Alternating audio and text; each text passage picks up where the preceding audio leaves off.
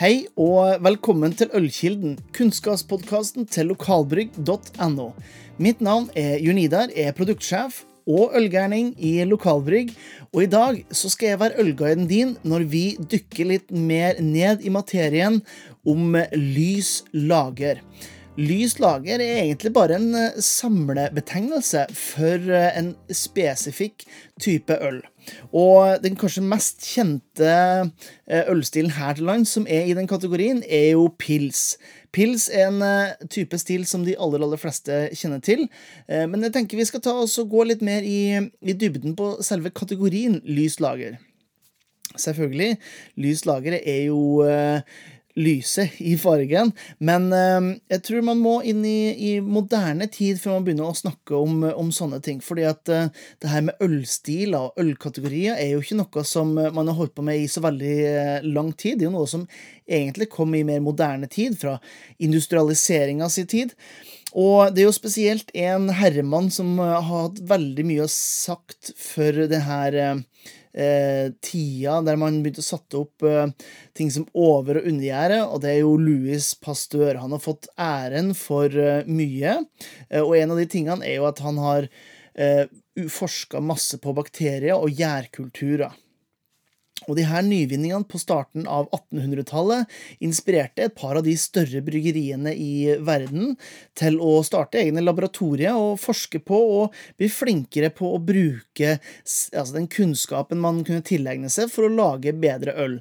Og et av de bryggeriene som gjorde det, eh, med laboratoriet er jo eh, Carlsberg i Danmark. Vi har en herremann ved navn Emil Christian Hansen som jobber på laboratoriet der, og han gjorde noe som var eh, rett og slett det endra hele ølverden på, på, det tidspunktet. Fordi at Karlsberg Carlsberg endte dessverre opp med å ha en del dårlige batcher med øl, og de brukte laboratoriet for å finne ut hvordan de kunne forbedre, lage bedre øl, slippe det her. Og Emil han uh, var faktisk uh, en pioner i det at han fant opp en helt unik måte å telle gjærceller på, og oppdaga at den gjærstammen som de brukte på Karlsberg, faktisk var to forskjellige gjærsopper.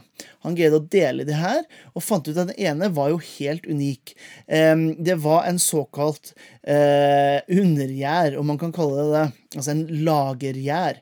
Um, det var en gjærstamme som ga veldig rene, friske typer øl og som rett og slett eh, ble hovedgjerda til, eh, til Karlsberg. Faktisk så eh, kalte de den gjerda for Sakronomysis Karlsbergsis, Beklager en liten eh, taleleif der.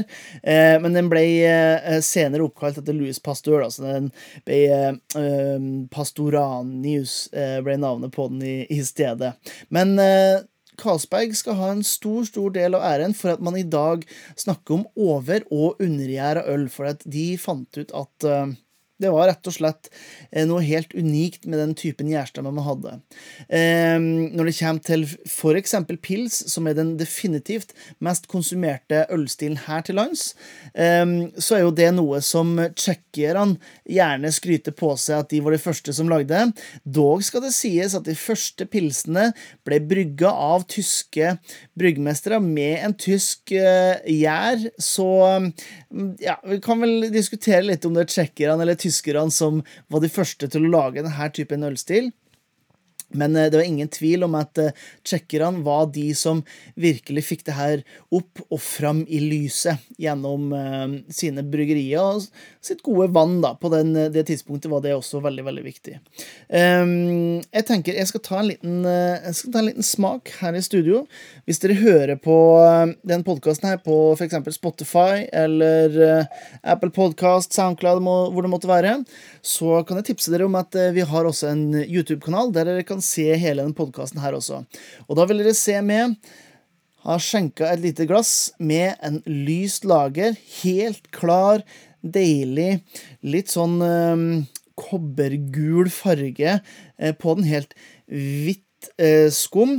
Uh, og når man snakker om lager, undergjæra øl, så snakker man jo om øl som har blitt brukt denne spesielle gjæra, og som trives best på ja, mellom 8 og 12 grader i gjæringsforløpet. Det er med på å gi veldig eh, rene og friske og leskende øl uten for mye karakter eh, fra gjæringa.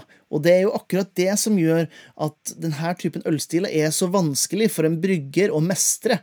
Fordi at det er så lite å skjule seg bak. Så hvis en brygger gjør en feil, så vil det i en lyst lager være mye mer opplagt og mye mer avslørende enn f.eks. i en stout som har mye mer smak og karakter og rett og slett kompleksitet. Så en godt brygga lyst lager, det er rett og slett et kunstverk eh, å lage. Eh, jeg tar en liten sniff av det her. Og her er det, som jeg sa, nesten ikke noe gjær og gjærtone og, og lukte. Det lukter her er en nystekt bagett. Det er mye korn. Kanskje et lite hint av, eh, av gress der også. Eh, men forholdsvis lite. Det lukter friskt, det lukter leskende. Og eh, vi får ta en liten smak og så se hva som skjer i munnen. Mm følger akkurat det samme som jeg nevner her. Veldig leskende, veldig, veldig friskt og deilig. Har en liten bitterhet fra humla.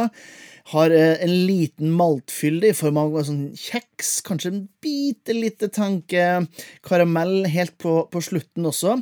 Men det er, det er ikke noe jeg sitter igjen med en stor, stor smak etter at jeg har eh, har drukket den. Jeg, blir bare lett og frisk til sinns av det her, og det er jo akkurat det denne kategorien øl gjør så fantastisk godt. Skaper litt eh, fest i munnen, og så går den ut og gjør det klar for en ny slurk. Og det, det må jeg si, det er virkelig et eh, eh, en, en, ølstil som man kan skjønne hvorfor mange da liker. Um, når det kommer til det tekniske rundt det her, så er det ofte veldig lys i fargen. Går sjelden noe mørkere enn det jeg har i glasset her, faktisk. Eh, holder seg mellom 4 og 5,5 prosent ca. I, i, alkohol. Og bitterhet så regner man ofte rundt en 15 til 30 IBU, for å gi dere et eksempel. En, en, en, eh, en amerikansk Budwiser, for eksempel, vil gjerne ligge enda lavere, så under 10 nesten ikke bitterhet. Mens en klassisk norsk pilsner vil da ligge eh, ja, mellom 20 og 30 IBU, eh, som er da bitterhetsskalaen som eh, man bruker. Så for å oppsummere lys lager, så er det en forholdsvis eh, ny ølstil, sånn man ser på verdenshistorien, men det er en av de eldste konkrete ølstilene man har. Eh, danske Emil har vært med på å gjøre oss klar over de verdiene som man kunne finne i en undergjæra gjærstamme, og ordentlig forfina den. Um, og i tidligere tider så vil man nok ha sagt at um, en god pilsner, en god undergjæra uh, lys lager, ja, det er noe som nesten utelukkende Eh, de store bryggeriene har hatt mulighet til, for at de har teknikken og erfaringen. Det man dog har sett de spesielt de siste ti årene, er at det har kommet mange dyktige fagfolk til i form av håndverksbryggerier, som har utvikla noen fantastiske gode lyse lagre, ikke bare pilsnere. Og det er jo eh, pga. at de har eh, selvfølgelig mye kunnskap, men også fordi man har fått eh, lettere tilgang til en del utstyr som er med på å gjøre bryggingen av en teknisk krevende ølstil som lyst lager mulig på mindre skala.